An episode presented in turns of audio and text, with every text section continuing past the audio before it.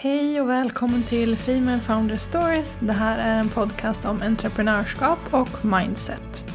Och I det här avsnittet så kommer jag snacka lite om online business och jag vet att många är ganska nyfikna på det och har funderingar på vad det är för någonting och det kan vara någonting för dem och lite sådär. Så jag tänkte prata om det och varför 2021 är ett superbra år för dig som funderar på om det är någonting för dig. Eftersom ni alla vet så har ju världen gått igenom en liten förändring kan man säga när det kommer till hur man kan umgås och flyttat gränserna för vad folk tycker är okej okay också. Och eh, tvingat alla att anpassa sig till den här digitaliseringen som har varit ett modeord i 20 års tid. Eh, nu har man varit tvungen att leva det fullt ut också utan att egentligen ha något val om man vill eller inte. Och därför så har det också öppnat dörrarna på vid gavel för online business även om de har varit öppna ganska länge för oss som har hållit på med det. Så idag så kommer vi fokusera just på det. Och vi kommer titta på om man behöver göra det på heltid eller om det kanske är någonting som man bara kan addera till sin befintliga business och på så sätt ge sig själv mer möjligheter till fler ben att stå på i sin verksamhet. Och jag som pratar heter Malin Högström och det är jag som driver plattformen Female Founders Club. Det är en onlineplattform för dig som är intresserad av business och mindset.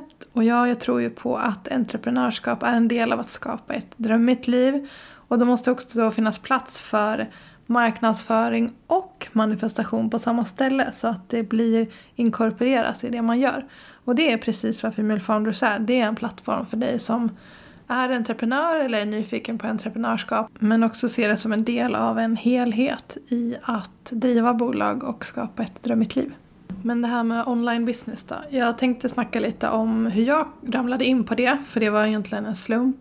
Och eh, vad det har tagit mig sedan dess. Det började väl egentligen 2014. Då köpte jag Tim Ferrys bok For Our Work Week. Och då drev jag redan en e-handel som sålde inredning parallellt med att jag pluggade ekonomi på universitetet. Och den här boken fick mig att förstå att det fanns andra typer av affärsmodeller där ute, även om det kanske då inte snackades så jättemycket om det i Sverige. Men jag låg där i en solstol på Mallorca faktiskt och läste den här boken. Och det öppnade upp en annan typ av värld för mig. Så jag blev jättenyfiken på allting som har med online business att göra. Och började utforska det mer och mer. Och det ledde väl egentligen fram till att jag 2015, tror jag, hittade Pat Flynns podcast Smart Passive Income. Och den handlar mer om att sätta upp hemsidor med affiliate-länkar och på så vis tjäna pengar. Och andra typer av passiva inkomstmodeller. Men jag var väldigt fascinerad av det och jag lärde mig jättemycket. Men gjorde inte så mycket av det utan det var mer att det var lite som ett intresse nästan att se hur man kunde tjäna pengar på smartare sätt än det här traditionella som jag hade lärt mig på universitetet eller kanske som jag höll på med själv. Just då fanns i alla fall ingenting i Sverige om det här, eller i alla fall inte någonting som jag följde eller såg på något sätt. Utan jag trillade då in på lite amerikanska entreprenörer som höll på med det här, bland annat då Amy Porterfield och Marie Forleo. Och de här tjejerna blev liksom mina gurus redan då. Men eh, jag fortsatte utveckla min e-handel. Jag sprang på event mer och mer. Jag fick förfrågningar från bekanta att hjälpa dem med sin positionering och hemsidor och marketing och vad det nu kunde vara. De drev också bolag men hade inte koll på det som jag kanske hade lätt för. Så jag började göra det. Vilket gjorde att jag var ännu mer på event för att träffa potentiella kunder. Och då hade klockan blivit 2017 och jag var på business-event fullt med gubbar och det kändes otroligt ensamt att inte ha några andra tjejer i närheten och eh, de här gubbarna förstod definitivt ingenting om online business i alla fall. Och de förstod heller inte varför jag tyckte mindset var utmanande eller varför jag ville prata om andra saker än torra, tråkiga powerpoints. Så det ledde ju fram till min första online business och det är ju Female Founders Club och nätverket framförallt som jag driver idag. Och det är en del av Female Founders Club, alltså en medlemsportal för kvinnliga entreprenörer eller för sig som känner att de vill driva företag men kanske inte kommit igång. Och där så finns det workbooks och resurser för att utveckla sig själv och sitt bolag. Men framför allt så är det liksom daglig pepp genom mina godmorgon-mails och mycket snack om mindset i masterclasses som folk tar del av. Och det är väl kanske där man kan få lite inspiration på vägen på den här entreprenörskapsresan som kan vara ganska ensam när man sitter där framför datorn och kämpar på. Då finns Female Founders Club som ett alternativ. Och att ha en medlemsportal, det är just ett sätt att bygga online business på. Alltså, man skapar en hubb där folk går med i, man tar betalt för det löpande varje månad och mycket av det man skapat finns redan men man måste ju alltid lägga till saker så det är verkligen inte en passiv form av entreprenörskap. För det vill jag lyfta lite som en myt kring online business. Det är att allting ska vara passivt och att om man gör det en gång så behöver man aldrig göra om det. Så är det ju inte riktigt och det är verkligen inte sanningen om du driver en membership site för då måste du verkligen hålla på hela tiden och eh, producera grejer och hålla content uppdaterat. För att det är ju faktiskt det medlemmarna i din membership site vill ha. Så bort med den myten om att online business är passivt för det är det inte och jag tror typ inte att det här med att bygga hemsidor med affiliate-länkar faktiskt är någonting som är en del av online business-samtalet längre. Jag vet inte, ska jag säga, för jag har slutat lyssna på den här podcasten för mer och mer så tunade jag in på det som kändes rätt för mig, vilket var mer mindset och hitta flow i det man gör och göra det med lust och passion istället. Och det här med smart passive income är otroligt lärorikt men det blev lite för mycket amerikanskt och hustling mentalitet för mig. Så jag har skiftat mitt eget fokus lite grann. Så vem vet, det kanske faktiskt är en grej men det är ingenting som jag pysslar med. Så för mig är online business snarare ett sätt att bygga affär men det är definitivt inte passivt. Och jag eh, tycker att online business är spännande för att det går att applicera på massa olika företag som man kanske inte direkt tror skulle passa att jobba online med. Men det är faktiskt en ganska smart modell att addera om man känner att man behöver fler ben att stå på i sitt företag. Då är verkligen online business och den typen av affärsmodell ganska tacksamt att se över. För man kanske liksom har slut på idéer utifrån den traditionella synvinkeln. Då tror jag att man kan hitta lite mer inspiration om man djupdyker i online businessvärlden. Även om man kanske är i en bransch som är väldigt traditionell och alltid har gjort på ett visst sätt. Men för att göra det här så konkret som möjligt så tänkte jag prata lite om olika typer av online business affärsmodeller som man kan ha och kanske ge lite ovanliga exempel på hur man faktiskt kan applicera det här på befintliga företag. Vanligtvis så kanske man tänker på tjänsteföretag och hur de kan applicera det här på sin business. Men det finns verkligen andra typer av branscher eller sätt att jobba på som verkligen kan ta del av den här magiken som jag tycker det finns i online business och hur man kan sätta upp sitt företag. Även om man först kanske inte ser det. Så jag tänkte ge lite ovanliga exempel i den här podden bara för att sätta igång kreativiteten lite hos er som lyssnar och speciellt hos er som kanske trott att online business inte är för er. Så om vi börjar med det här med medlemsportal då, som är det som jag bland annat har. Så är det alltså någon form av plattform där du skapar månadsvis innehåll och tar betalt för det löpande. Du kan ju välja själv om du vill att medlemmar ska signa upp sig för en viss tidsperiod eller om du själv väljer hur och när de får avsluta sitt abonnemang. För min del så får man gå med när som helst och man får gå ur när som helst också. Det man ska tänka på när det kommer till medlemsportaler det är att det finns någon form av attention span när det kommer till en ny medlem. Alltså det finns ett mått på hur länge man i snitt är med på en sån här tjänst. Och det är egentligen inget konstigt med det. Man kan jobba hur mycket som helst på att behålla medlemmar och det finns folk där ute som är experter på det. Men man måste också förstå att livet händer och en del kanske går med ett tag, får den boosten de behöver beroende på vilket ämne som du snackar om i din medlemsportal.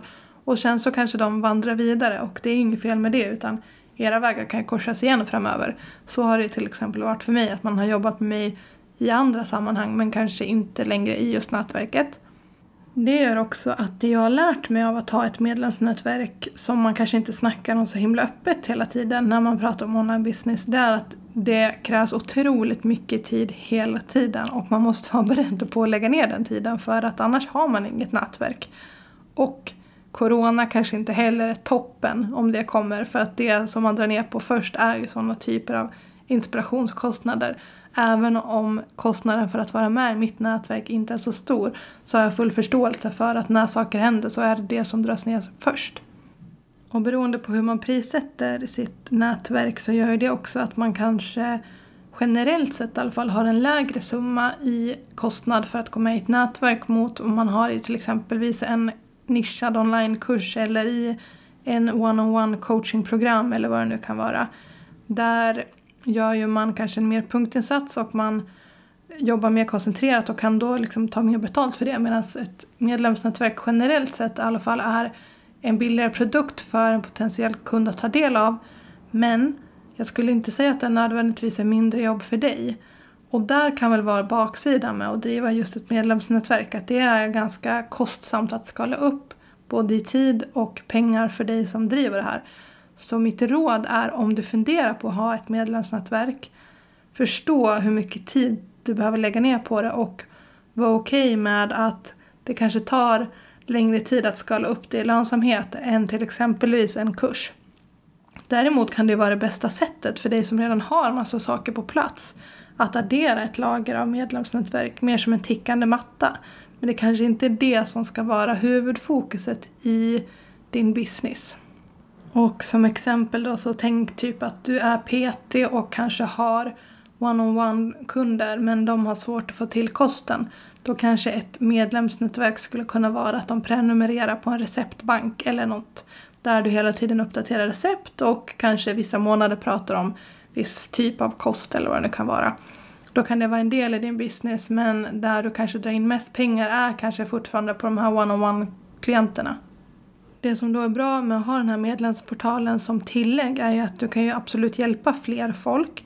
Men det kan ju faktiskt också vara en dörröppnare för de som vill träna en och en med dig men kanske inte just nu kan investera i det.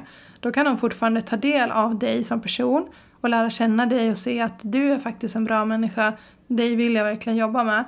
Men när jag är redo och kan betala för att ha den här one-on-one träningen eller vad det nu kan vara, då kommer jag göra det. Men just nu så kan jag bara ta del av dig så här. Så det blir nästan som att du skulle kunna ha den här som en potentiellt betalande del av att sen bli fullvärdig kund. Om man nu får uttrycka sig så. Och om det är på det sättet du vill strukturera din business och om det är så du ser att du skulle kunna hjälpa mer människor genom att lägga till en typ av medlemsportal. Nästa form av online business skulle kunna vara coachingprogram eller andra typer av program som är uppdelade enligt ett visst schema. Det är likt onlinekurser men med program så menar jag alltså att det kanske sträcker sig över längre tid. Det kan vara upp till ett halvår. Och det kanske är mer moment där personlig coaching eller någon form av interaktion pågår så att man får hjälp längs vägen på ett annat sätt än en onlinekurs.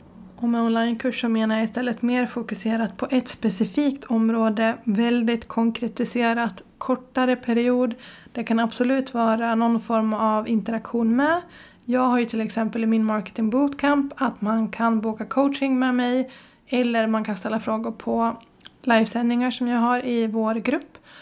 Men vi jobbar tillsammans under en tajtare tidsram och därför gör det också att man kan komprimera priset så att flera kan ha råd att gå det här programmet mot vad det skulle kosta om jag la upp det här på ett halvår.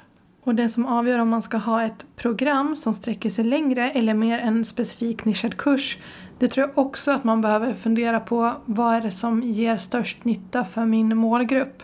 Alltså man kanske faktiskt behöver lägga sex månader för man ska göra en jätteförändring eller jobba med sig själv inom ett visst område eller vad det nu kan vara där den här tiden behövs. Eller man kanske ska träna sin hund på att göra massa tricks och då måste man ha tre månader för att göra det här. Eller som i mitt fall, man vill ha ganska snabba resultat men bara en steg för steg process. Då räcker sex veckor och man jobbar lite mer fokuserat men sen så har man satt sin struktur och är klar med det.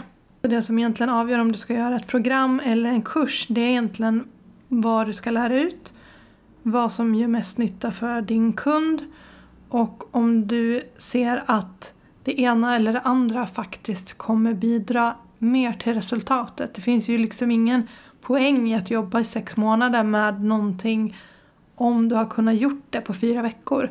För oftast vill ju folk ha ganska snabba resultat. Så då är det dumt att dra ut på tiden.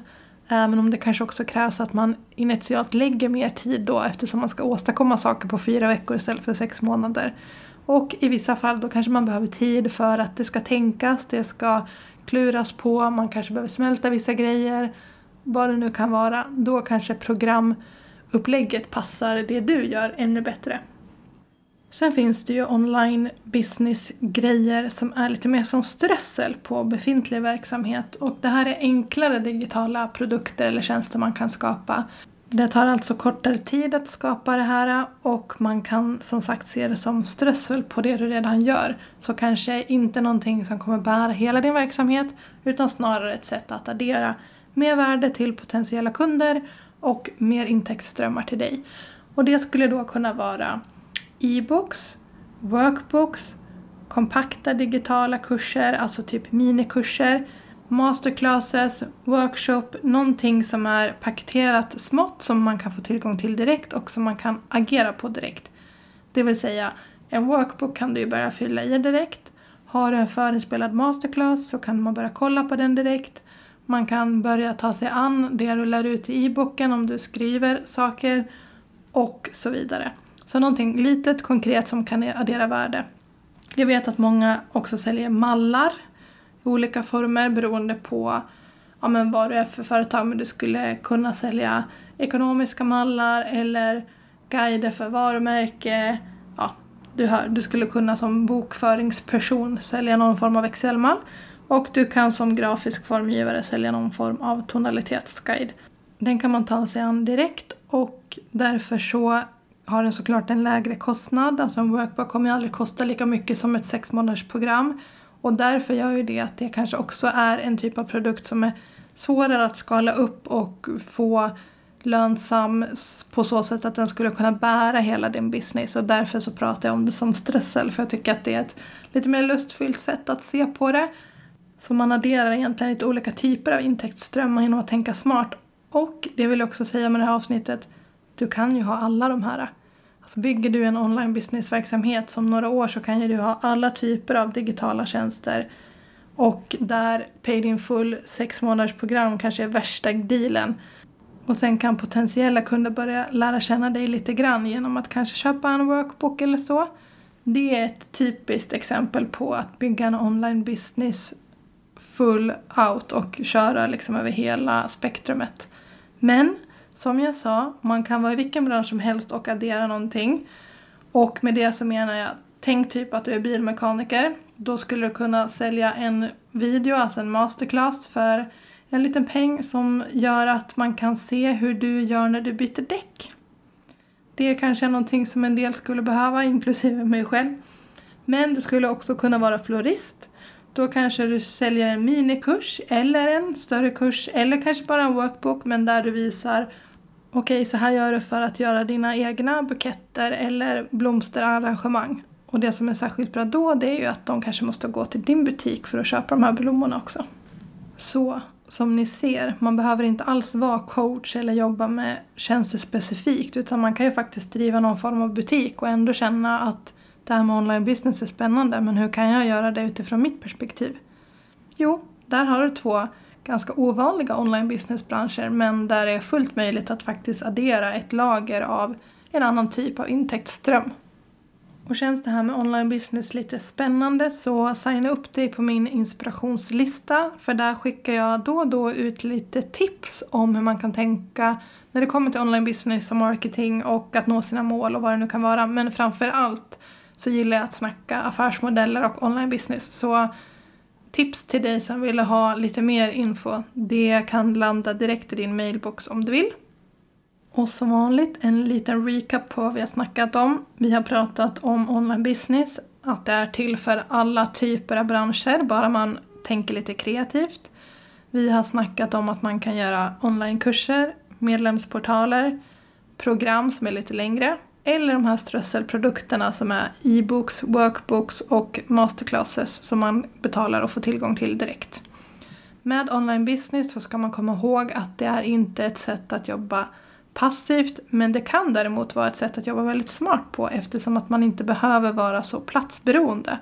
Och om det är någonting vi alla har lärt oss den senaste tiden så är det väl att det här med att vara digital och att jobba lite här och där, det är faktiskt fullt möjligt på nästan alla sätt om man bara vill.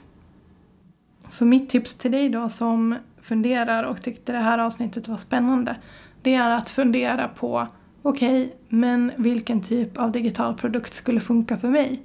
Och hör av dig på Instagrams DM om du vill fråga någonting för jag tycker det är jättespännande att se vad ni gör av de här avsnitten som jag producerar. Om det kan ge någon info eller om det är någon fråga.